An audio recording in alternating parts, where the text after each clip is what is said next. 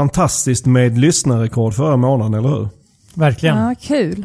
Att vi nådde, sl- slog vårt mål om 1500 så snabbt, det hade jag kanske inte trott. Vi hade bara 1550 lyssningar förra månaden. Och eh, månaden innan var det också rekord, då var det ju 1177 som vi pratade om. Eh, Och jag, jag kommer ihåg när vi backade bandet, det är drygt ett år sedan vi började med poddandet här. Och vi hade ingen som helst aning om hur många som skulle lyssna. Och så efter första avsnitt så landade vi på kring 500. Det kändes ganska mycket, eller hur? Ja, jag har varit verkligen positivt överraskad. Och sen, sen kändes det i alla fall för mig som att mm, det här är ju en ganska, vad ska man, det är ju en ganska nördig, en ganska snäv podd. Verkligen nischad. Och på svenska dessutom. Eh, så att det kändes som att, ja, når vi upp till tusen så, ja, då har vi nog, mer än så blir det inte. Ja. Men sen nådde vi tusen och eh, nu har vi nått 1500 och frågan är hur långt, hur många finns det i Sverige som vill, vill lyssna på detta tror ni? Nej, jag har ingen aning, men jag är verkligen förvånad. 2000, kanske. Ja. Ja, nej, jätteroligt. Eh, men vi har ändå en bit kvar till göra som Filip och Fredrik och fylla Globen, eller hur? Ja. Ja, jag var faktiskt där i Globen den gången. Du var det? Ja, det var, Du det var en såg- bra upplevelse. Du såg när de eh, slog, vad var det? Jag tror det var påven som hade publikrekordet tidigare i, i Globen. Ja, precis. Och de hade ju hypat det lång tid innan också, att de skulle försöka slå rekordet. Så det, det var bra stämning, kommer jag ihåg. Tror ni någon här skulle kunna komma och, och se på Sök på den live om vi skulle ha ett liveavsnitt? ja, men det är klart. Tror ni det? Vi Vi, fyller inte Globen eller? Nej, men några, några på SEO-snack kanske kan titta på oss. Ja. Innan vi får allt för mycket hybris och boka Globen till nästa podd så är det väl dags att köra igång med dagens avsnitt. Du lyssnar på Sökpodden. En podcast för dig som gillar Google, SEO och SEM. Sökpodden görs av Pineberry. Varmt välkomna till Sökpodden avsnitt 13. Mitt namn är Mikael Wahlgren och vid min sida idag sitter Viktor Kalmhede Hej! och Maria Fernholm. Hej, hej. Hur är läget med er idag? Det är bra. Ja, men det är alldeles strålande. Eller hur? Nu när solen tittar fram mer och mer så blir man lite gladare, eller hur? Japp, verkligen. Jag köpte nya vårskor igår, så nu är jag laddad för sommar. Mm, perfekt. Eh, och laddade är det vi även här idag. Vi har tre eh, spännande ämnen. Eh, det första ämnet för dagen är affärsmodeller i vår bransch. Det nästa ämne är Facebook DPA. Och sist men inte minst ska vi prata lite om Search Console. Men en sak jag skulle vilja ta upp innan det som jag tycker är väldigt kul är att vi har i ett par avsnitt här använt eh, podden lite för att pusha för att vi söker folk, eller, eller hur? Ja, precis. Vi, vi tänker ju att ganska många av er som lyssnar här antingen är intresserade av vår bransch eller kanske känner andra som är intresserade. Så vi har tyckt att det var ett ganska bra tillfälle att försöka se om det är någon som vill börja jobba hos oss. Och eh, nu- senast så anställde vi en kille som heter Mattias. Och han hade just lyssnat på sökpodden. Det var så han sökte jobbet. Mm, det är jätteroligt. Eh, och vi har faktiskt anställt, jag räknar på det nu i, i helgen, vi har anställt eh, 14 personer år varav 8 är, är sökmotorkonsulter. Så det är ganska många, men vi söker fler. Eh, så, så är det så att ni är sugna, lyssna på det här för då är ni nog intresserade av ämnet eh, och sugna på att jobba eh, med sök eller Facebook så eh, hör gärna av er. Vi söker både juniora och seniora och även om vi inte har någon aktiv annons just ute när ni tittar in så, så är, funkar det väldigt bra med spontanansökningar. Vi söker som sagt folk hela tiden. Eh, och nämn gärna att ni lyssnar på sökpodden för då, vet, då har ni en, eh, minst en, eh, en stor fördel när vi tittar på ansökan för då vet vi att ni är intresserade av ämnet. Det är Plus i kanten. Ja, Ja, och det, det är väl det viktigaste också, att man har intresset. Ja, precis. Det tittar vi väldigt noga på. Så. Då har man det nästan det givet om man, om man lyssnar på sökpodden. Vad bra, men då kör vi igång med dagens första ämne som är affärsmodeller i branschen. Och eh, ett väldigt spännande ämne. Jag önskar att jag skulle kunna säga att det är jag som kom på att vi skulle prata om det, men så är det inte. Utan det är tack vare en lyssnare, Marcus Brännfält. Tusen tack för det Marcus. Vi har ju också frågat om, eller bett om eh, förslag på ämnen och det här var ett av de som kom in som vi tyckte var väldigt bra. Det är ett väldigt spännande ämne. Vad, vilka olika affärsmodeller vi använder oss av här i branschen, vi kollegor. Så fortsätt skicka in förslag. Ja, precis. Det är är jättekul. Eh, och eh, Marcus hade några specifika saker kring affärsmodeller som han var intresserad av. Att vi skulle diskutera och de kommer vi ta upp såklart. Och sen har vi lagt till några egna punkter som vi själv tycker är intressanta. Eh, och vi kommer medvetet kanske prata mer generellt om det fungerar och inte hur det fungerar på specifika byråer. Och jag vill också kanske poängtera här att det finns inget nödvändigtvis rätt eller fel utan vi kommer väl kanske säga vad vi tycker men det, Mm. det, man kan nog göra på lite olika sätt beroende på hur man vill bygga upp sin, sin byrå, vad man vill, hur man vill jobba helt enkelt. Ja. Ja men absolut. Och en, en, en variabel här eh, när det gäller affärsmodell är liksom huruvida man jobbar eh, med engångsuppdrag eller man jobbar mer löpande. Och här kan det skilja sig en hel del, eller hur? Ja, tittar man då på SEO så där har vi ju de här eh, ganska vanligt förekommande med engångsuppdrag. Att det, Mm. det är en punktinsats som ska göras till exempel vid lansering av en, Mm. en ny sajt. Och då, då är det naturligt att man gör det här en gång och att det inte är löpande. Nej, precis. Just för vår del när vi jobbar med SEO så oftast jobbar vi löpande med våra kunder för SEO är ett, ett långsiktigt löpande arbete. Men man kan också göra punktinsatser. Att Mm. man gör, som du säger, en analys vid någon nylansering eller en, en, en sökordsanalys som en engångsgrej. Mm. Eh, I alla fall från ett byråperspektiv. Men sen när det gäller, eh, Maria, sen när det gäller mer Facebook eller SEM, då är det mer naturligt, eller hur, att man jobbar löpande. Ja men verkligen, alltså där är det ju ofta att man behöver eh, optimera kontot kontinuerligt, man behöver byta ut material. Eh, och ska man då få nå- någon liksom långsiktig effekt så behöver man eh, ha ett löpande uppdrag. Mm, precis, och vi generellt sett, vi tar ju, vi tar ju till exempel inte AdWords eller Facebook ads eh, uppdrag om, om, om de inte är löpande så att säga. Nej, för, precis. för att om vi skulle sätta igång och köra, sätta upp, bygga upp ett konto och köra igång det så blir det inte bra över en natt utan det krävs en hel del intrimning och det blir liksom lite en, vad vi tycker då en, en, en dålig tjänst om man bara gör en engångsgrej. Så, så där eh, anser vi och jag tror att de flesta i branschen gör så att, att då jobbar man löpande. Ja men absolut, för annars, eh, när du väl sätter upp ett konto så har du egentligen ingen aning om hur, hur resultatet kommer bli. Det är ju först, först efter några veckor där du kan börja optimera och se hur kampanjerna går. Ja precis, man behöver en hel data. Mm. Och framförallt om man jobbar i ett kanske lite mindre segment så tar det tag i det. Man får Mm. den datan och Ja. ser till att det blir bra. Mm. Vad bra. Eh, nästa intressanta parameter här i affärsmodellen det är liksom hur man tar betalt. Liksom ersättningsmodeller. Och det var också en fråga som, som Marcus hade. Och, ehm, en, en sak som ofta kommer upp är det här att, att, eh, att man kan ju jobba prestationsbaserat. Mm. Eh, det vill säga att man får betalt utifrån hur det går. Ja, och en vanlig modell där inom SEO är att när man nått en viss ranking, det är först då man börjar betala. Mm. Mm. Och när det gäller SEM eller, eller Facebook så är det oftast mer kopplat till något form av eh, Intäkt faktiskt ofta. mer precis någon intäkt eller en Ja. CPA eller någonting. Att Mm. Mm, mm. Når man lägre än en sån här, lägre än viss CPA så, så kickar någon form av Mm. prestationsbaserad grej in. Ehm, och det är, en, det är en del som använder den. Det är inte så många. Jag, jag upplever att det blir färre och färre. Uh, jämfört med hur det var för kanske tio år sedan när vi, när vi började. Ehm, ehm, och vi, jag kan berätta vår ståndpunkt här, har, vi har inte tagit ett enda sånt där uppdrag genom våra tio år.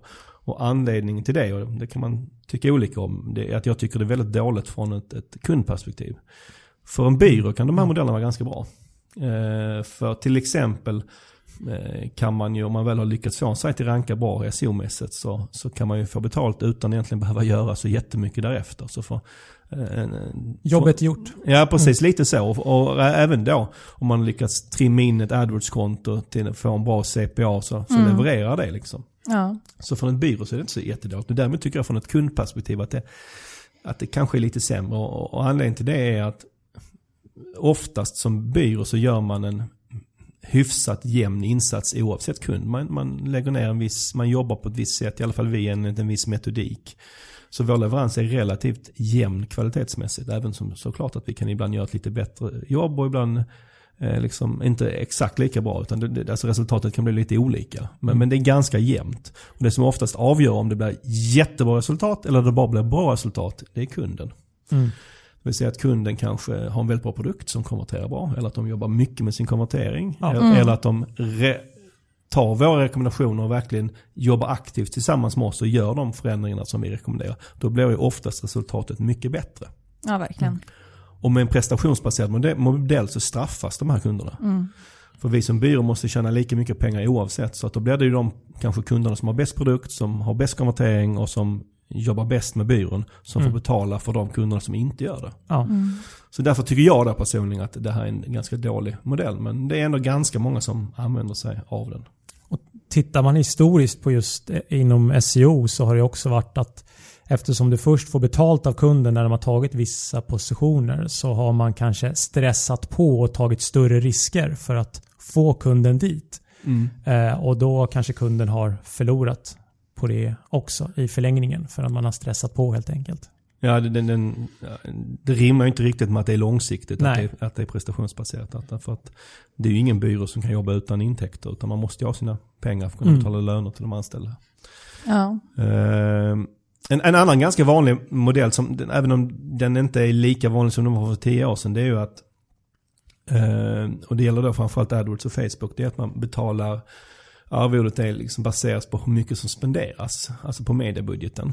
Att, och då, ehm, eh, om man tar ett big, stort spektrum så brukar det ligga någonstans mellan 10 till 30 procent det vi har hört. Alltså det högsta Mm. är 30 och Mm, det mm. lägsta kanske 10. Ofta ligger det kanske någonstans mellan 15 och 20.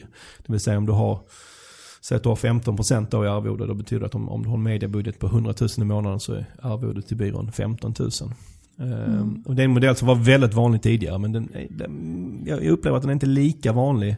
För att jag, den har ju sina negativa sidor som jag ser det i alla fall. Ja men verkligen. Alltså, vi, vi fokuserar ju på att spendera så lite i mediebudget som möjligt egentligen och få Mm. ut så mycket som möjligt. Mm. Inte att bara liksom bränna pengar för, för sakens skull. Jag brukar ta det exemplet ofta så kanske vi får in ett konto där man har legat på och spenderat kanske 100 000 i månaden. Och så ser vi kanske en del förbättringsmöjligheter där vi kan få ut ännu mer värde men, Mm. men spendera mindre pengar för kunden. Eh, Och om vi gör det så skulle vi då med en sån här modell få ett lägre arvode. Mm. Så det ligger inte riktigt i vår incitament att göra på det sättet. Nej. Nej, precis. Och det, jag tror det är mycket därför också den har blivit ehm, lite ovanlig, att den, den är inte helt optimal. Fördelen med den är, är väl att den är väldigt enkel att förklara.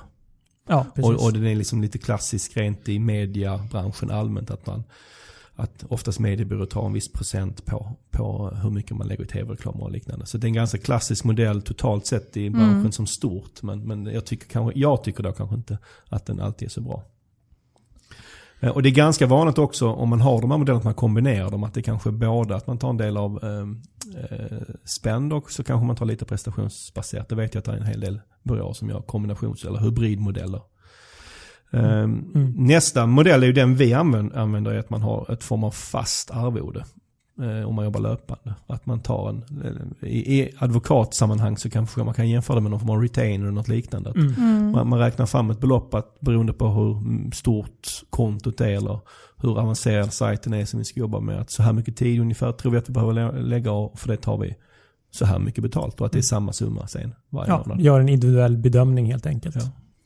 Och det är också en modell som jag upplever är ganska vanlig. Vi är inte unika där utan det är ganska många som jobbar på det sättet också. Och sen finns det vissa då som har de här fasta paketen. Ja. Lite mer fasta lösningar. Medan vi har en ja, individuella lösningar men sen är det en fast kostnad. Ja. Mm. Och sist men inte minst så är det en del, det är inte så vanligt för det, det är att man tar betalt per timme, alltså löpande per timme. Mm. Eh, ungefär som kanske andra byråer, som en advokatbyrå kanske i, Mm. ofta gör. Eh, eller rev, rev, revisor, rev, revisorer som oftast kanske klockar var sjätte minut. Ehm, och ehm, ja, det finns väl fördelar. Det är, det är en ganska transparent modell om man gör det. Um, nackdelarna som jag ser det från ett kundperspektiv är att det är svårt att veta på förhand vad det kommer kosta. Det vet jag själv när man anlitar en advokat. Man är lite orolig hur mycket det ska rusa iväg till Ja, liksom, innan, innan, innan de är klara.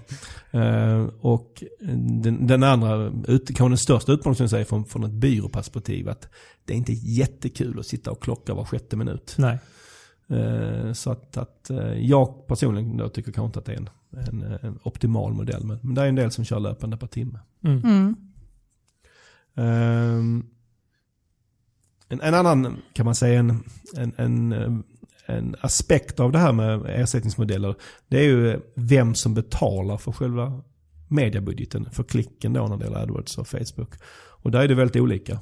Ja. Eh, och, och liksom antingen, antingen betalar ju byr, står byrån för klicken eller så står kunden för klicken. Och där har vi en ganska stark uppfattning om att vi tycker att kunden själv ska stå för det. Men det är minst lika vanligt tror jag att byrån står för, för eh, mediebudgeten.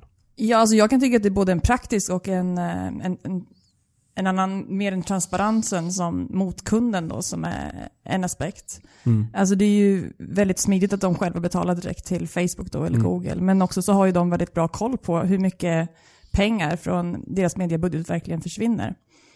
Ehm, Ja Och det precis, för det, det är lätt annars så var det ju innan, inte, det var inte alla som gjorde så men det var en del byråer som liksom bakade in arvodet och mediebudgeten i en klump och man Mm. inte riktigt visste vad som var vad. Det kom väl nya regler kring det? Ja precis, det var väl drygt år sedan Google gick Mm. ut att så får man inte göra. Eh, Ja, men, just det. man, men man kan ju fortfarande eh, som byrå välja att st- stå för klicken men man måste se- separera det på fakturan. Så det här är för klicken och det här är Mm. för vårt arvode. Eh, sen vet jag inte om alla följer det nu. Men, eh, men det finns, som, från ett byråperspektiv så finns det en, som jag ser det, en nackdel att stå för klicken. Att det, det är väldigt svårt att hantera det rent administrativt. Mm. För det finns ju två varianter. Ant- Antingen fakturerar man på förhand.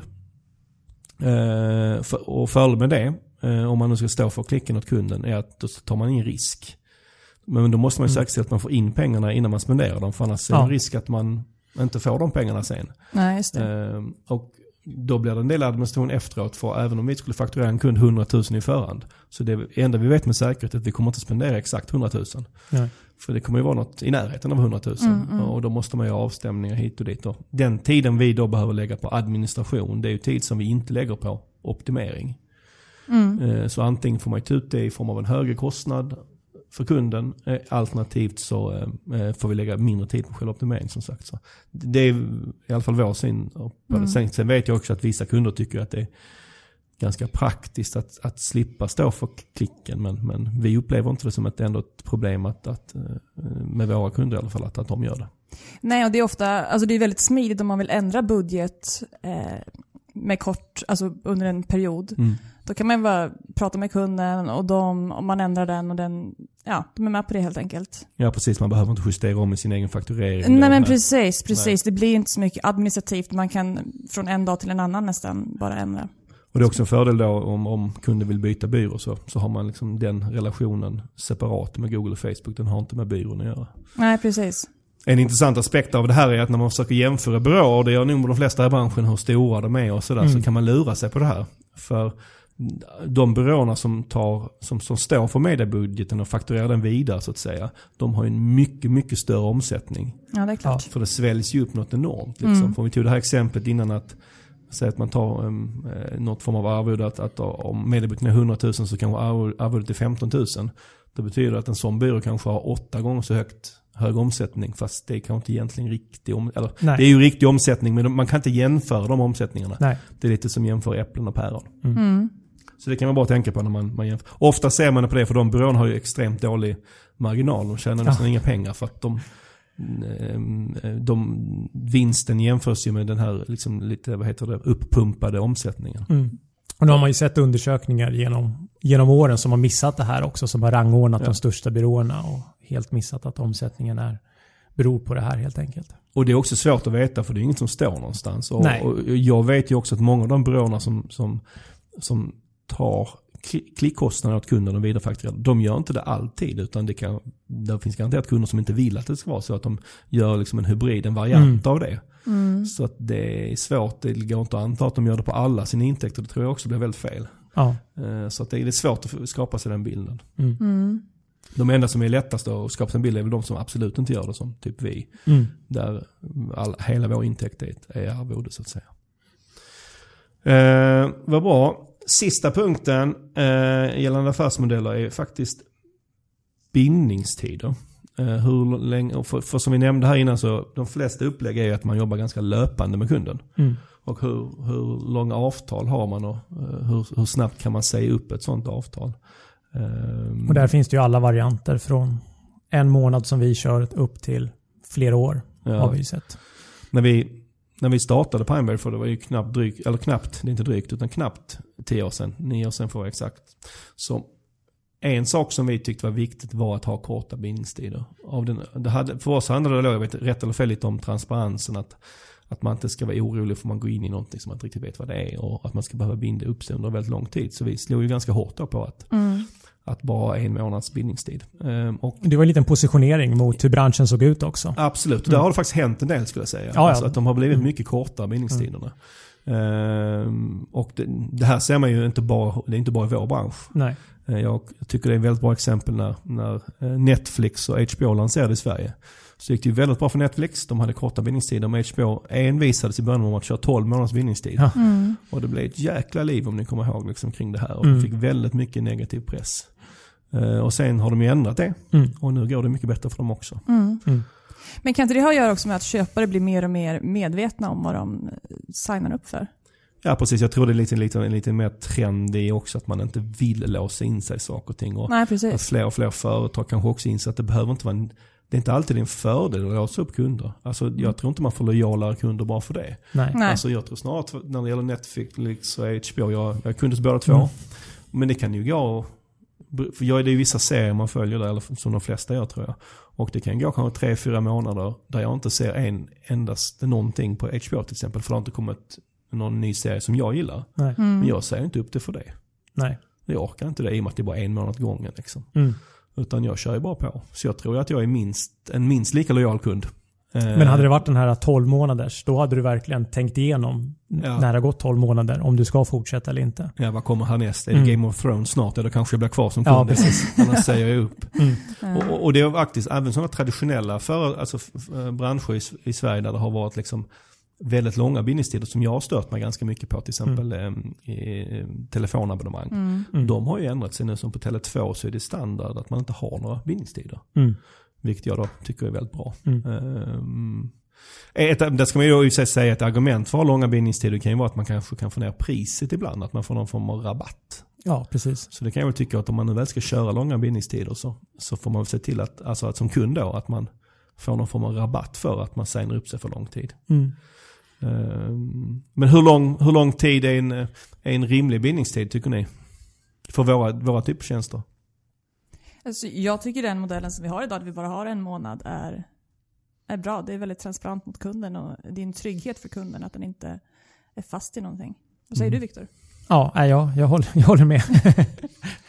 eh, faktiskt. Jag, jag skulle nog säga att om man skulle se det från ett företag, så var vi, som, som du sa Viktor, så har vi valt, vi har valt lite som en positionering. Mm. Om man skulle se det rent företagsmässigt, vad jag tror är rimligt, så skulle jag kanske säga att tre månader är rimligt. För att vi har en omställningskostnad när, vi, när en kund slutar. Mm. Så att vi har ett lite större uppdrag där vi har en, en konsult här som kanske lägger alltså 10-20% av sin tid på en viss kund. Mm. Och så slutar den kunden.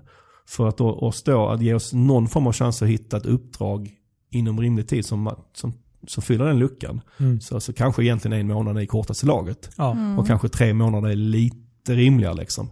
Men, men sen återigen så, så har vi ju valt det som är mer kanske som en, en, grej. Att vi vill inte, vi vill inte binda upp kunder av, av andra skäl. Mm. Jag, kan, jag skulle ändå kunna tycka att upp till tre månader tycker jag liksom det, är- det är väl fine. Ja. Eh, rent bindningsmässigt. Eh, och Du hade något exempel här va? Ja, men, men jag, jag, jag fick ju se, alltså jag, jag, som, jag, som vi nämnde så, så är trenden varit, upplever jag, att det har blivit kortare och kortare bindningstider. Ja. Och jag tror inte det bara har med vår bransch att göra som sagt, eh, utan det är liksom en trend i samhället. Men jag såg ett exempel som jag blev lite förvånad över nyligen. Och det var från en, en, en eh, eh, känd branschkollega, eh, som en ganska stor eh, byrå, där man hade 36 månaders bindningstid. Och dessutom så automatförlängdes det här med 24 månader om man inte sa upp det inom en, inom en viss tid. Och- Och att köpa, och det här gällde då en specifik SEO-tjänst. Eh, Och alla som vet hur Google fungerar, det är inte så att Google fungerar på ett, alltså om tre år vet man inte hur det fungerar. Är Google Nej. kvar om tre år? Ja, alltså det kan man också fundera. Liksom. Alltså bindas upp sig det för 36 månader känns kanske lite i längsta det är laget lite alltså. i längsta laget. Mm. Och jag, jag, vad heter det, jag har inget, jag, jag tycker inte det är sådär, inget emot att en byrå väljer den här modellen. Det som förvånar mig kanske är att, för det här är en ganska, i det här fallet är det en Mm. hyfsat stor byrå Mm. så att de har ju kunder. Eh, Ja, ja. Jag, jag, jag, jag förstår kanske inte riktigt hur kunderna tänker. Nej. Att man är, att man är beredd att signa upp sig på så enormt lång tid. Eh, för ändå, kanske för många företagare en, en relativt eller en betydande kostnad. Mm. Mm. Ehm, jag tycker det känns fel i alla fall. Ehm, Det, är, det, är, det är väl enda jag skulle kunna tänka det är att då känner de att de kan slappna av under de här tre åren och inte behöver tänka på det här. Det är att de, nu har vi tagit det här beslutet. Och Nu är sen- det gjort. Ja, Mm. precis. mm. Eh, Men nej, jag förstår inte heller. Nej, precis. Men så kan det ju verkligen vara att man känner oj, nu har jag löst min, min, mitt SEO-problem. Mm. För nu Mm. har, jag, nu har jag någon som bryr sig om det i tre Mm. år. Mm. Men det är oftast, som vi var inne på tidigare, att de, de kunderna går bäst för är där det är liksom en, en, en, eh, en, en kund och en byrå som jobbar ganska tajt ihop Ja. och, och där man är väldigt engagerad och på Mm. tårna. Så att ofta, jag skulle gissa att om man har den inställningen så blir det inte så bra resultat ändå i slutändan. Nej. Men eh, det här är som sagt vad vi tycker och tänker om det här. Det är säkert några av våra kära branschkollegor som, som har lite andra infallsvinklar på det här. Ni får gärna höra, höra av er så kanske vi tar upp det i, i någon annan eh, podd. Det uppskattas all form av feedback. Ja. Men eh, ja, ja, då går vi vidare med dagens andra ämne. Som är Facebook DPA. Och Maria, det. vad är det för någonting?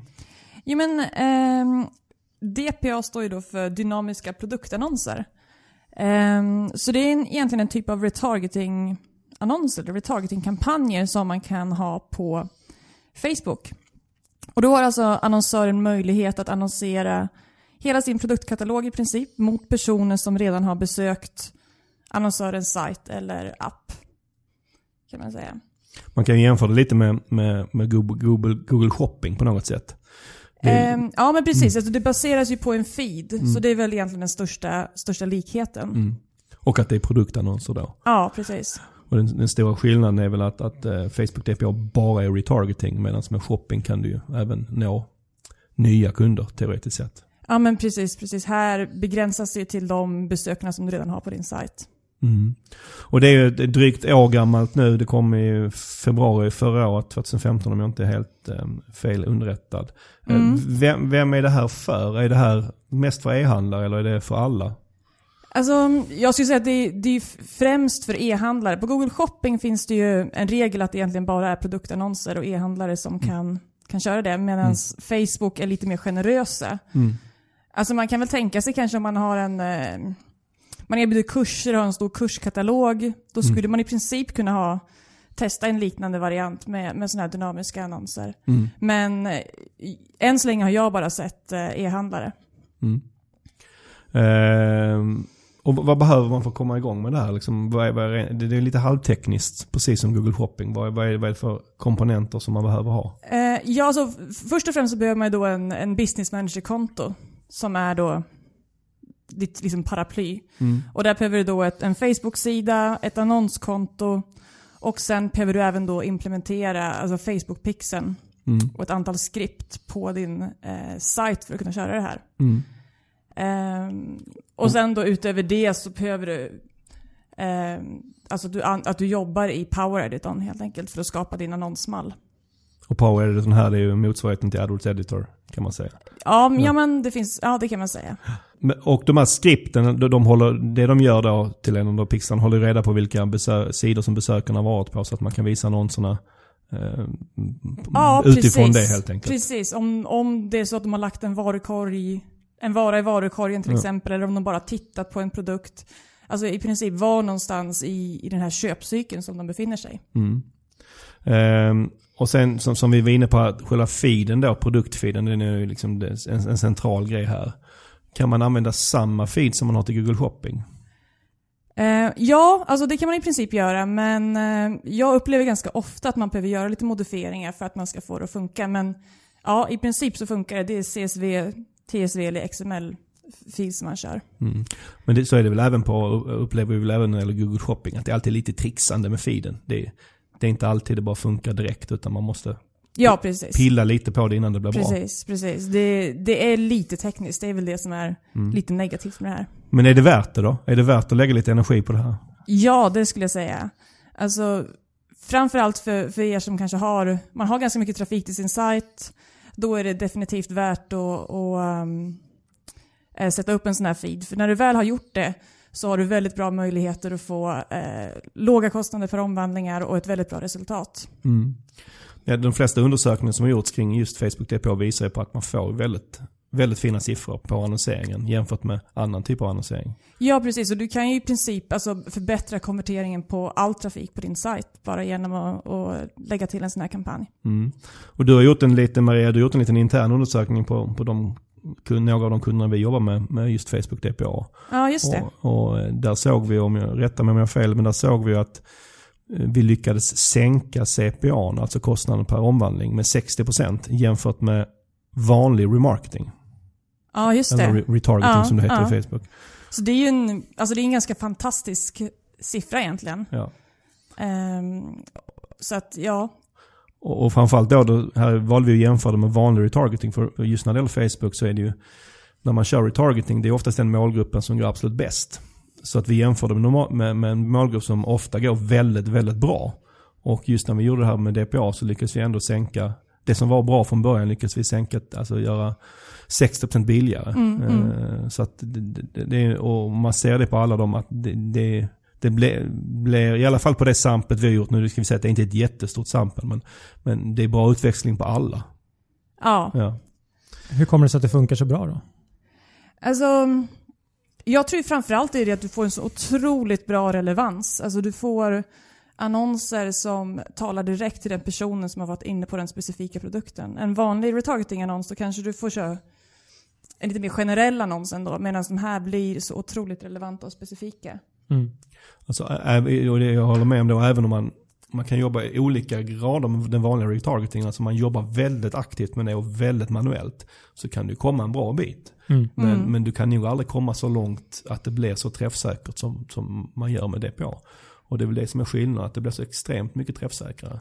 Ja, och sen får man inte glömma, alltså här kan vi också segmentera på alltså var någonstans i köpcykeln ligger, ligger, ligger dina, din målgrupp. Det kan du Mm. visserligen göra på, på vanlig retargeting också, men kanske ännu smidigare här. Och det är klart, de ligger ju ofta väldigt, väldigt nära köp. Mm. Och det är ofta så, nu kan man ju tänka då att ehm, när man kör DPA behöver man ens tänka på målgrupper, men det, det behöver man ju för man kan ju, man kan ju som sagt, med, med, tack vare de här pixlarna man lägger in, segmentera lite olika. Ja men precis. Alltså jag skulle säga, det är kanske inte är någonting man, man gör direkt när man testar, testar en sån här kampanj. Men sen kan man ju definitivt testa olika, eh, olika målgrupper, alltså vilka presterar bäst. Är det när de, och, och vilka olika bud man kan lägga då på de olika målgrupperna.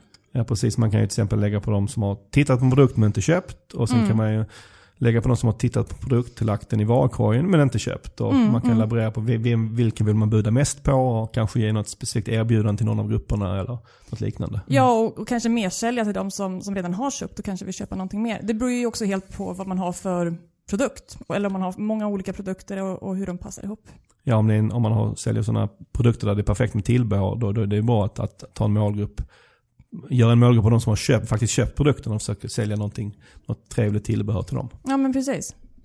Och just när det gäller budgivning som du var inne på, vad, är det något speciellt man ska kanske tänka på när det gäller eh, DPA? Ja, alltså jag tycker det finns ju både CPM, det finns CPC och så kan man ju då buda på konverteringar. Mm. Och ehm, just när det gäller DPA så tycker jag alltså att man ska testa att buda på konverteringar. Mm. Facebook säger ju själva, eller de rekommenderar att man ska ha ungefär 15 konverteringar per dag på sitt adset då. Det kan ju för många vara ganska mycket. Alltså, och det är ju då för att eh, Facebook ska ha bra data att gå på. Men jag tycker ändå att det är någonting man, man kan testa. Ja, för om det är någonting som konverterar på Facebook, alltså det låter lite som att ingenting brukar konvertera på Facebook, men så är det inte. För, det är, ju- vi upplever ju Facebook som en fantastiskt bra kanal. Ja, Men, men, precis. men, men Facebook DPA är ju den som absolut konverterar bäst. Mm.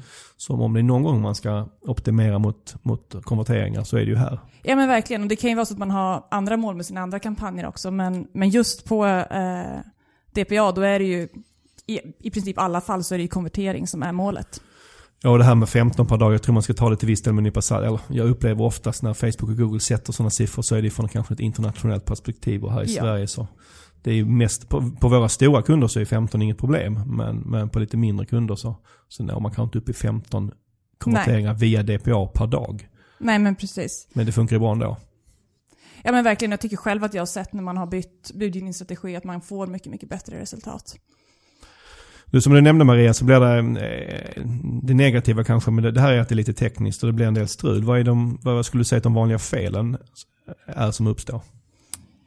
Um, alltså det vanligaste felet är ju, det är ju då att, pixeln inte är rätt implementerad skulle jag säga. Att, Mm. spårningskoden inte är rätt implementerad. Och där har ju Facebook erbjuder inte jättemycket support, men däremot så har de ett, ett verktyg som man kan använda. Pixel Chrome Helper Extension.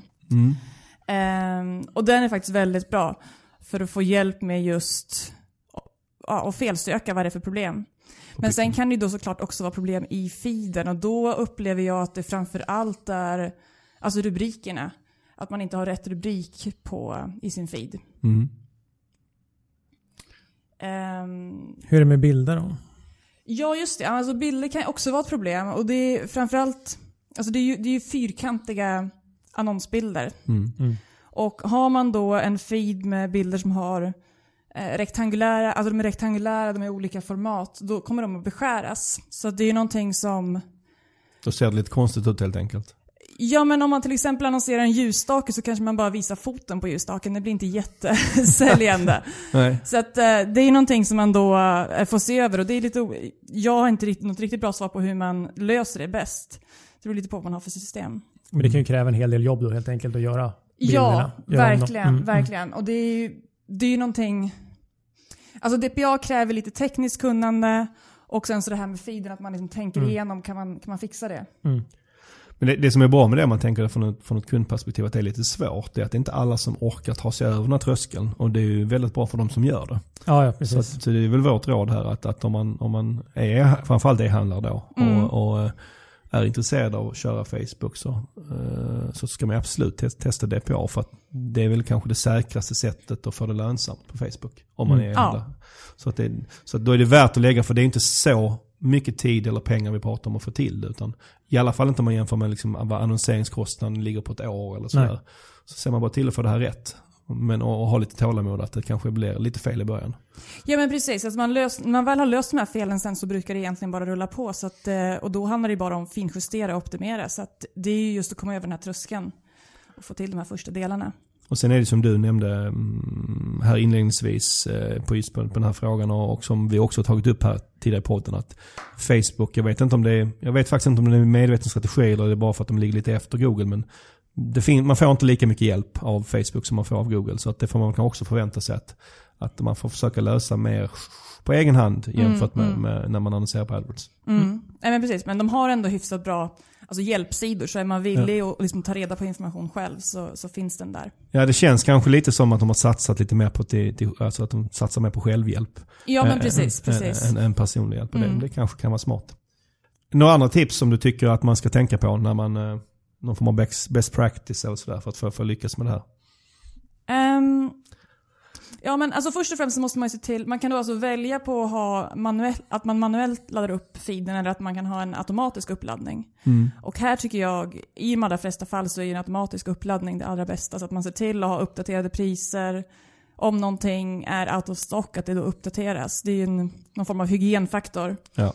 Men sen, också för att få ett, lite det som jag sa innan, alltså börja med en kampanj med en adset och ha liksom en större målgrupp. Blir målgruppen för liten så kan det vara svårt att få något snurr på kampanjen.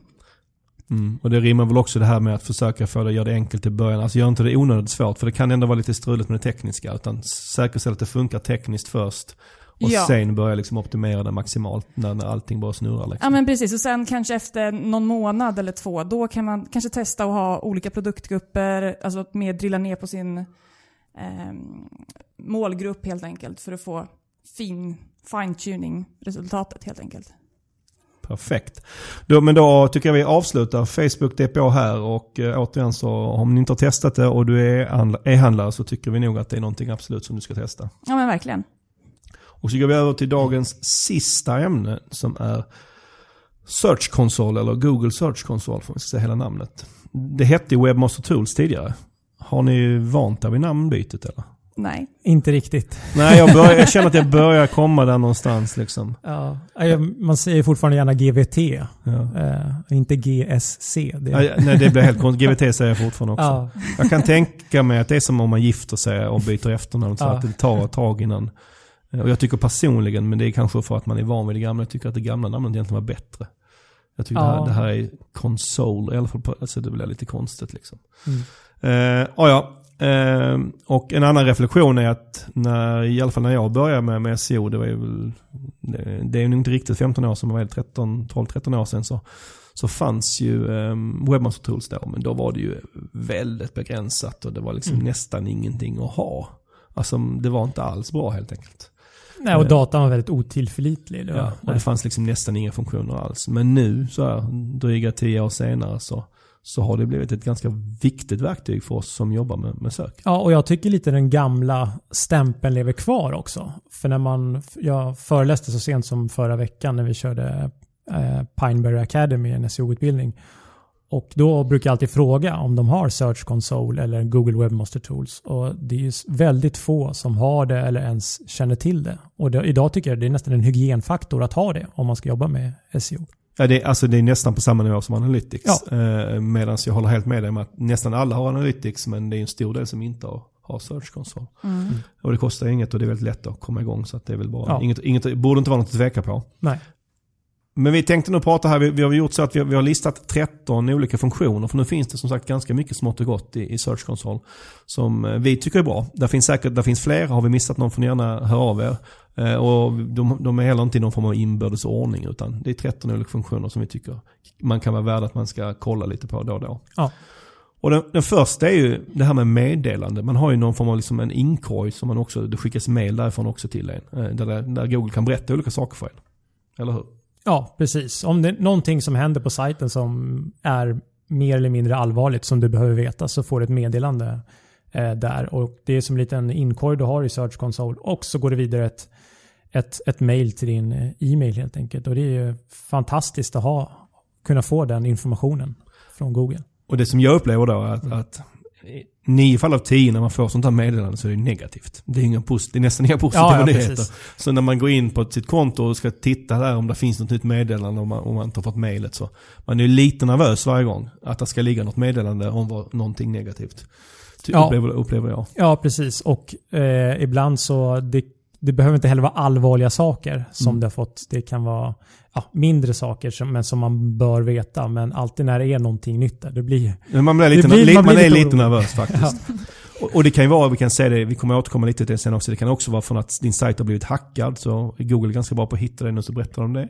Eller att du har fått någon form av manuell åtgärd mot dig från Google. Så Ja. de meddelar de också där. Så det finns det är väl väldigt många olika saker. Sajten har kanske blivit långsam eller andelen 404 har ökat kraftigt. Det, ja, Det finns många olika Ja. meddelanden. precis. Men hur, hur ofta får man ett sånt här meddelande då? Alltså, Ja, det är när någonting ja, sticker ut från den normalbilden helt enkelt. Om du, andelen 404 ökar som Google ser, då meddelar de Mm, dig mm. om det helt enkelt. Man kan ju säga så om man, om man sköter sin sajt väldigt bra. Då får man oftast inte så många meddelanden. Nej. Men, men, nej. och, och, och det har också med storleken. Väldigt Ja. stora sajter får ju, får ju oftast fler meddelanden. Och Mm. De har ju också skickat ut meddelanden kring det här med om man är mobilvänlig eller inte. Så att det, Ja. liksom, det finns många typer av meddelanden. Så alla, alla behöver inte vara så negativa som du säger Viktor, men man är, jag är i alla fall lite nervös när jag tittar efter. Ja, Okej, N- nästa funktion är ju det här med, det är den som kallas, nu, nu, nu berättar vi vad de heter på svenska. Eh, Den heter HTML-förbättringar. mm.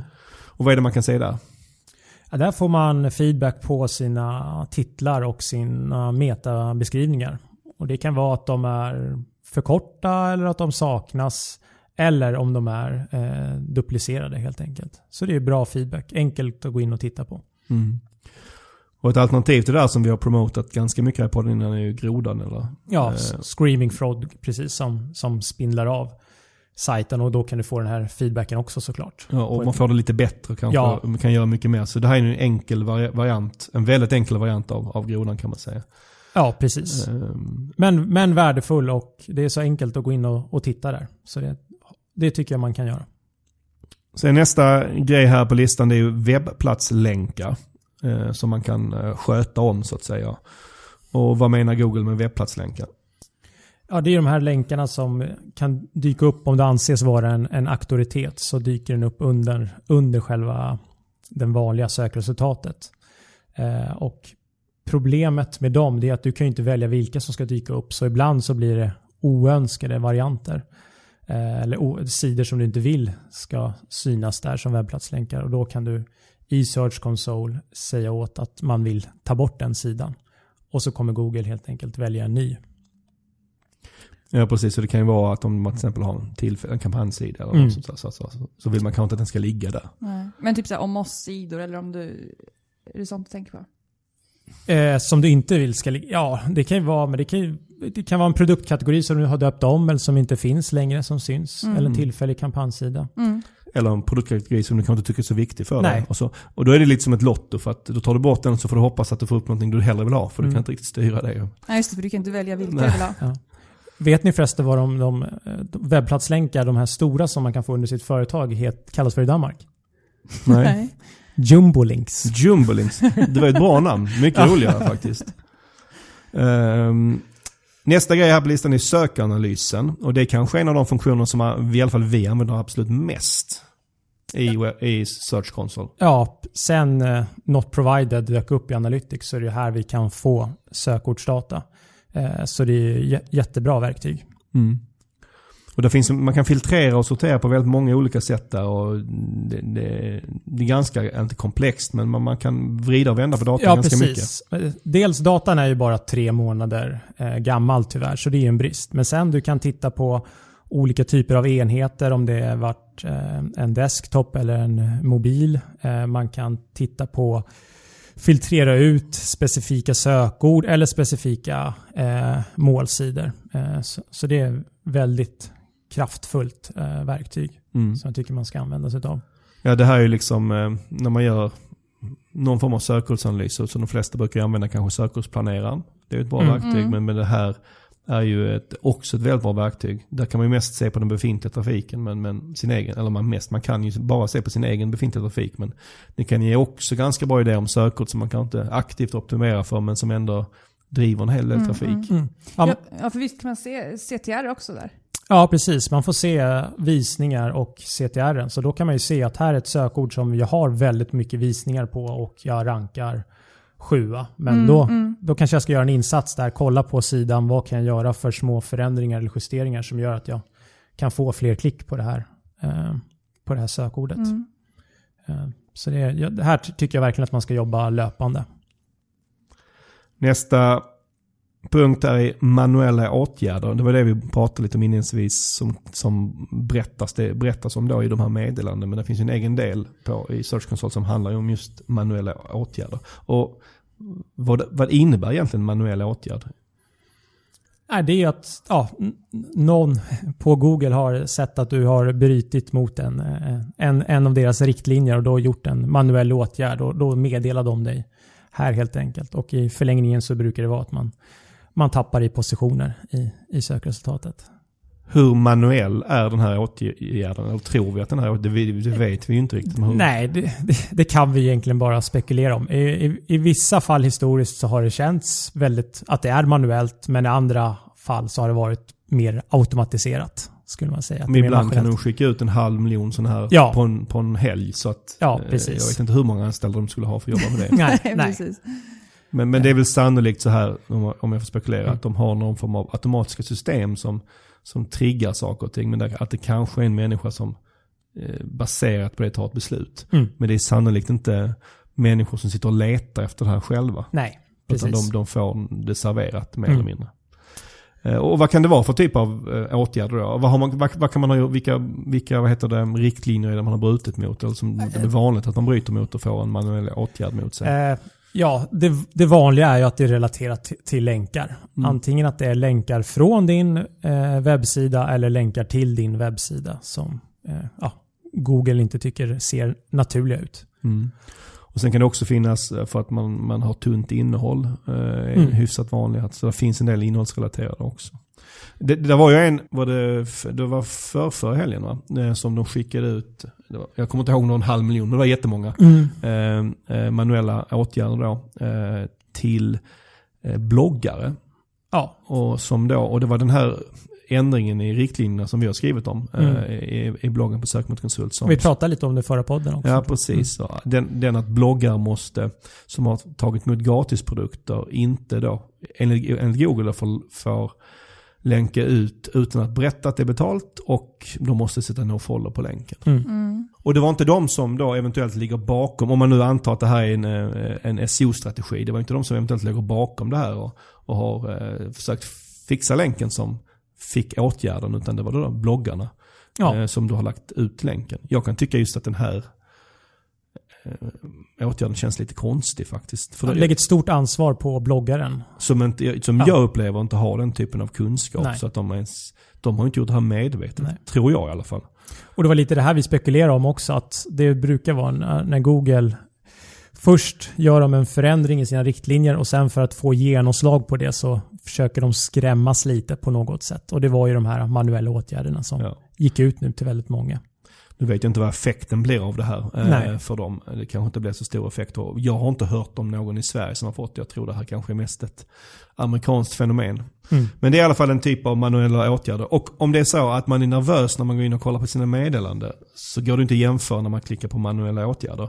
För där vill man inte att det ska finnas någonting. Nej, då är, då är det illa på Ja. riktigt. Eh, Och um, det gäller att ta dem på allvar för att det, som du säger då kan det ju vara att, att det är någonting som ligger liksom och bromsar ens synlighet på Google. Och, Mm. ehm, eh, som du nämnde här också upplever jag i alla fall. Det var länge sedan det var någon stor batch av sådana här i Sverige, så att, eh, vilket är ganska skönt. Men, men, men, men ofta är de lite sådär eh, aggressiva de här vad heter det, åtgärderna. Alltså texten är... Man, To- Tonen är inte alltid den trevligaste. Nej, precis. Så man känner sig nästan som en bov på något sätt. Trots att man kanske inte egentligen har gjort någonting medvetet. Nej, precis. Och sen så är det ju här att om man har det på svenska eller engelska. Mm. De översättningarna som är på svenska är ju inte alltid de lättaste att förstå. Nej, det är och det är ändå vi som jobbar med det här liksom dagligen. Mm. kan ibland ha svårt att förstå vad de menar på svenska. Så det kan vara en poäng att man... Ett, ett bra tips här om man nu har en manuell åtgärd mot sig, att man verkligen säkerställer att man förstår vad åtgärden innebär. Mm. För det är inte helt självklart alltid av texten. Nej. Och ett bra sätt där är liksom, om man inte jobbar med en byrå idag, är att försöka googla liksom, vad har andra gjort? För Mm. de som har tagit sig ur en viss åtgärd brukar oftast ha bloggat om det. Och så får man titta, vad då gjorde de för att lyckas? För att liksom att Google ska, man ska hamna på Googles, att, att Google ska gilla en igen så att säga. Men kan du välja om du vill få, få dem på engelska? Ja, det har med språkinställningen Ja, att, ja. att göra. Eh, och det, det är också att får du manuell åtgärd, då krävs det att du, du måste göra någonting själv för att komma loss. Och när du har gjort det så ska du meddela Google det och så gör de en bedömning för att du har gjort tillräckligt för att komma loss. Och då får du veta det i ett nytt meddelande. Ja, och det är lite speciellt för det räcker inte att du gör justeringen utan du måste också berätta för dem att du har gjort den. Mm. Och sen kan det ta väldigt olika lång tid hur snabba de är på att agera på det. Ja, och att du blir godkänd. Och vi har till och med varit med om fall där vi har fått tillbaka att vi att den här, att den vi hjälpte, att de blev godkända men ingenting hände. Eh, Så då skickade vi in det igen och då slog det igenom. Så då hade antagligen någon på Google glömt att kryssa i rätt knappen. Ja, precis. ja, äh, vi hoppas att eh, ingen av oss här, varken ni som lyssnar eller vi, får allt för många manuella åtgärder. Eh, det är roligare att lägga energin på annat. Eh, men det är bra att hålla koll på den ändå. ja, verkligen. Eh, nästa punkt är, användbarhet på mobila enheter. Och vad är det man kan se där? Då får man se om helt enkelt om Google tycker din sida är eh, mobilvänlig eller inte. Och om den inte är det så ger de förslag på vad du behöver åtgärda för att du ska anses vara mobilvänlig. Och den här var ju hypad inför Mobile Geddon. Mm. Ehm, Och det man också kan säga är att det här verktyget kan du komma åt även fast du inte har Search Console. Ehm, Så söker du efter Googles mobilvänlighetstest så kan du komma åt det. Kommer åt samma Mm. sak. Ja. Precis. Så nästa grej är indexeringsstatus. Vad, vad kan man använda det till? Ja, där får man se hur, hur många sidor som är indexerade och man kan se historiken över det. Och det intressanta där är ju att alltså, se om någonting viker av. Att du helt plötsligt tappar i sidor eller att det ökar eh, kraftigt. För det kan ju tyda på någonting.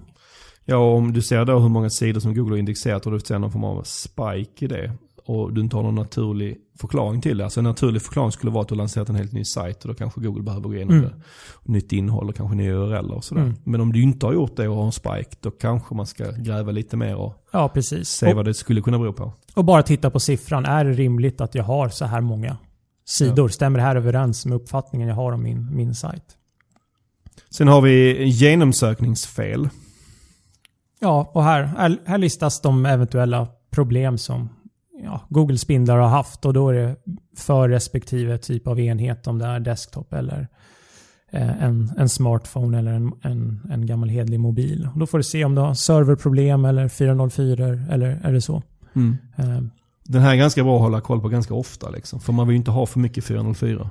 Nej, precis. Och det är det som är bra här också. Att du kan gå in och se vilka sidor som länkar till den här 404. Så du kan liksom spåra det bakåt och täppa till det också. Så att den pekar Mm. det rätt helt enkelt. Så den här tycker jag man ska titta in ofta och åtgärda. Och det här som vi nämnde tidigare, så det, det här är ju funktioner som också finns i det här i grodan som vi har pratat om. Så att man kan också göra det via grodan om man, eller andra Mm. verktyg om man gör det. Men det är bra att hålla reda på de här grejerna. Ja, och sk- skillnaden här mot grodan är att här kan man ju se eh, historiska 404. Grodan gör ju en spindling just här och nu och hittar de 404. Men här kan det vara sidor som du har haft historiskt men som du inte länkar till idag. Men som är 404 i Googles ögon. Sen har vi genomsökningsstatistik. Ja, den här är väl inget som man i vanliga fall tittar på. Men här får du feedback eh, på eh, ja, hur ofta sidor, hur många sidor som hämtas, hur lång tid det har tagit och, och så vidare. En sak som jag vet en del tittar på, lite ofta här i alla fall, det är ju, det är ju vad heter det, eh, din alltså hastighet, hur snabbladdad din sajt är.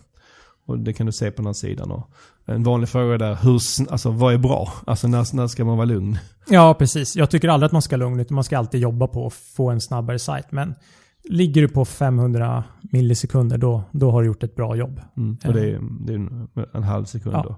Det är inte, om vi, om vi ser de sajterna vi tittar på, så det är inte jättemånga som ligger där nere. Nej, Nej. men det är, man ska ju ha ett mål att ja. eftersträva. Och här har ju Google också ett annat eh, verktyg där du kan skriva in din URL eh, och eh, testa och få feedback på vad du behöver åtgärda för att förbättra genomsökningsstatistiken. Mm. Just hastighet, alltså vi brukar ju inte, vi brukar säga att man ska inte spekulera i vad som hur, hur det kommer fungera framöver. Mm. Eh, men just när det gäller hastighet så har vi i alla fall, om vi ska, ändå ska spekulera, så det är mm. någonting vi tror att det, det känns hyfsat sannolikt att det kommer vara en faktor som kommer på något sätt bli viktigare Ja, det tycker man. Hela Google-satsning mot mobilvänlighet. Tittar man på AMP, som vi har pratat om i en, en tidigare podd, så är det också syftet där är att det ska gå snabbare. Mm. Så Google, riktningen verkar vara ganska klar. Då borde det börja vägas in mer också. Framförallt på det mobila. Så vi, vi får se här när Mobile Geddon 2.0 kommer. Mm. vad laddningstiden kan få för och det finns ju alla anledningar i världen förutom SEO att, att ha en bra laddningstid. Så att det, ja, det, Även om, man, även, om inte, även om det inte är en jätteviktig faktor idag och man kanske ändå inte tror att det kommer bli en viktig faktor så, så bör man ändå ha koll på den. Mm. Ja, det finns inget värre än att sitta och vänta på att en sida ska laddas. Nej, Nej. jag håller helt, håller helt med.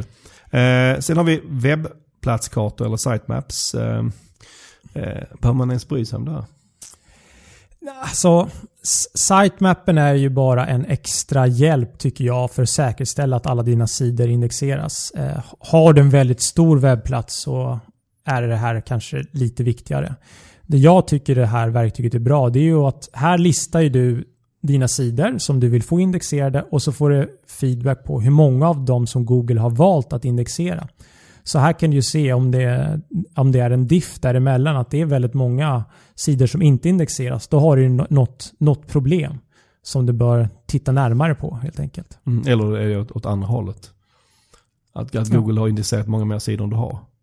Ja, ja, ja precis. Eh, då, då, då, då, kanske du bör fylla på din sitemap. Ja, eller, eller så har du massa sidor som du inte vet om. Mm, ja, precis. Uh, och man ska också säga, förtydliga här att det är ju en XML sitemap så det är inte en sitemap i kanske traditionell bemärkelse man laddar upp. Ja, precis. Näst sista punkten här är säkerhetsproblem. Det finns en, en det är hyfsas, hyf, halv, halvnytt avdelning i alla fall, kom för några år sedan. Och jag upplever att Google är, de är faktiskt väldigt bra på att hitta hackade grejer. De hittar det oftast snabbare än sajtägarna. Ja, och de har ju gjort en satsning där också. Att mm. de uh, har gått ut med, de har skrivit om det i sin blogg, att det här är ett problem. Uh, uh, så ja, det är väldigt bra. Och det här är också en väldigt stor anledning att ha ett Search Console. Att du kan få veta om din sida har blivit hackad eller sprider virus eller någonting sånt. De ger oftast då konkreta exempel på sidor som är hackade och vad det är som är problem. Så att mm. de är väldigt hjälpsamma. Om man, faktiskt om man jämför med manuella åtgärder så det är en liten annan typ av retorik här. För här är de mycket mer trevliga i sin, sin framtoning. Och de är mycket mer generösa också. Det ska ganska mm. mycket till, upplever jag, för att du ska bli straffad negativt för det här. Utan du får tid på dig. Och, mm. Alltså de verkligen vill hjälpa en här till att, att få bort. Och det, mm. det tycker jag är bra. Och här hade du ett färskt exempel va? Där ja precis, jag en av mina, min pappas sajt så hade han blivit hackad, lite hackad då. Um, då kan man ju, an, när man har fixat problemet, när vi hade rensat ut det som var hackat så, uh, så kan man ansöka sig att nu har jag löst problemet och berätta lite vad man har gjort. Då. Uh, det tog ju mindre än 24 timmar så hade vi svar. Jag började fundera på om det verkligen är ett manuellt svar eller vad det är. Men vi fick, fick ett svar att ja, vi, vi, vi håller med er, det, det är borttaget och tänk på det här framöver. Mm. Att man ska hålla sajten uppdaterad och så vidare. Och så vidare. Så att, mm. Eh, det, det, jag upplever att det, det, de är väldigt snabba, snabba just på det här med säkerhetsproblemen. Och jag kan förstå det för att att det är viktigt för dem att inte, att inte upplevelsen när man googlar att man kommer till massa sidor med virus och grejer. Det är inte speciellt kul. Nej, verkligen inte. Och sen sist men inte minst, jag hade tänkt från början att vi skulle ha en lista på ett dussin saker vi skulle ta upp. För dussin det, det kändes rimligt. Men sen insåg jag här på, på morgonen att vi har glömt en viktig grej. Så det fick bli 13 istället. Mm. Och där fanns ju en anledning till att vi har glömt den här. Det är att den, den ligger inte i vanliga Search Console, den ligger lite utanför. Alltså man kan inte hitta den för sig själv. Nej, precis. Den finns inte med i menyn, men du måste vara inloggad i Search Console för att komma åt den. Så Ja. det, det är lite lustigt. Och det vi pratar om nu är ju Dissa Wow. Om vi börjar med det, varför finns det inte menyn? Alltså är det, det måste ju vara väldigt medvetet. Ja, jag vet faktiskt inte. Jag har, ofta, jag har funderat på det. Jag kan tro, alltså min, här, nu ska jag säga, jag spekulerar verkligen bara. Jag kan tro att Google inte vill att man ska göra det här för mycket. Och att de vill inte egentligen att man ska titta på det. Och det rimmar ju lite med att jag upplever att när de lanserar det här med Disse Wow, det vill säga att man kan se vilka Mm. länkar som man inte vill att Google ska ta hänsyn till. ehm, så gjorde de det lite motvilligt. Ja, De vill egentligen inte, de vill ju helst att man ska ta bort sådana länkar. Men det var ju efter att de skickade ut, eh, det var ju ganska många år sedan, de skickade ut ganska mycket manuella åtgärder mot Mm. onaturliga länkar. Så fick de feedback tillbaka, ja, men det här är länkar, jag kan inte styra över dem. Det är Nej. kanske länkkataloger som man har registrerat på den tiden när Google tyckte att man skulle registrera sig i länkkataloger. ja. Och hur vill ni att vi ska få bort dem? Så efter mycket moment så lanserade de det här verktyget. Mm. Och så var det lite som ett svar på det här med negativ SEO också. Att man Ja. kan skicka dåliga länkar på en konkurrent. På så sätt sänka dem. Och då kan det också vara väldigt svårt att få bort länkarna. Ja, så, så då- precis. Nej, Så det ligger lite utanför den här. Och där är vi egentligen en fråga som, jag brukar, som vi brukar få som är ganska vanlig. Att man kan ju välja då när man anger vilka länkar som ska tas bort. Om man, antingen man anger man den specifika URLen Mm.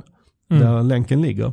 Eller så, så anger man bara hela domänen. Och då är Mm. alla länkar från den domänen Mm. oavsett var de ligger. Ja. Vad, vad brukar vi, vad tycker du är bäst? Vi brukar alltid köra hela domänen. Ja. Eh, för vi, man vet, kan inte vara helt säker på att det finns en länk någon annanstans. Så det är lika bra att Tycker man en liten, eller en del av domänen är dålig, då är nog hela domänen dålig att ha en länk ifrån. Så då tar vi hela helt enkelt. Och det är lite lättare också att, Ja, ta domänen. precis. Vad bra. Eh, med de här 13 punkterna eh, som kan vara bra att tänka på i Search Console så närmar vi oss slutet av dagens podd. Och gör gärna som Marcus hade gjort inför dagens podd. Ge oss förslag på ämnen du tycker vi ska ta upp. Det uppskattar vi väldigt mycket. Detta och alla andra former av feedback eh, får ni gärna höra av er till oss på, på Twitter eh, under att sokmotorkonsult eller skicka ett mail till sokpodden at pineberry.com. Och då återstår det bara att tacka för idag och så hörs vi igen om en månad. Tack och hej! Hej då!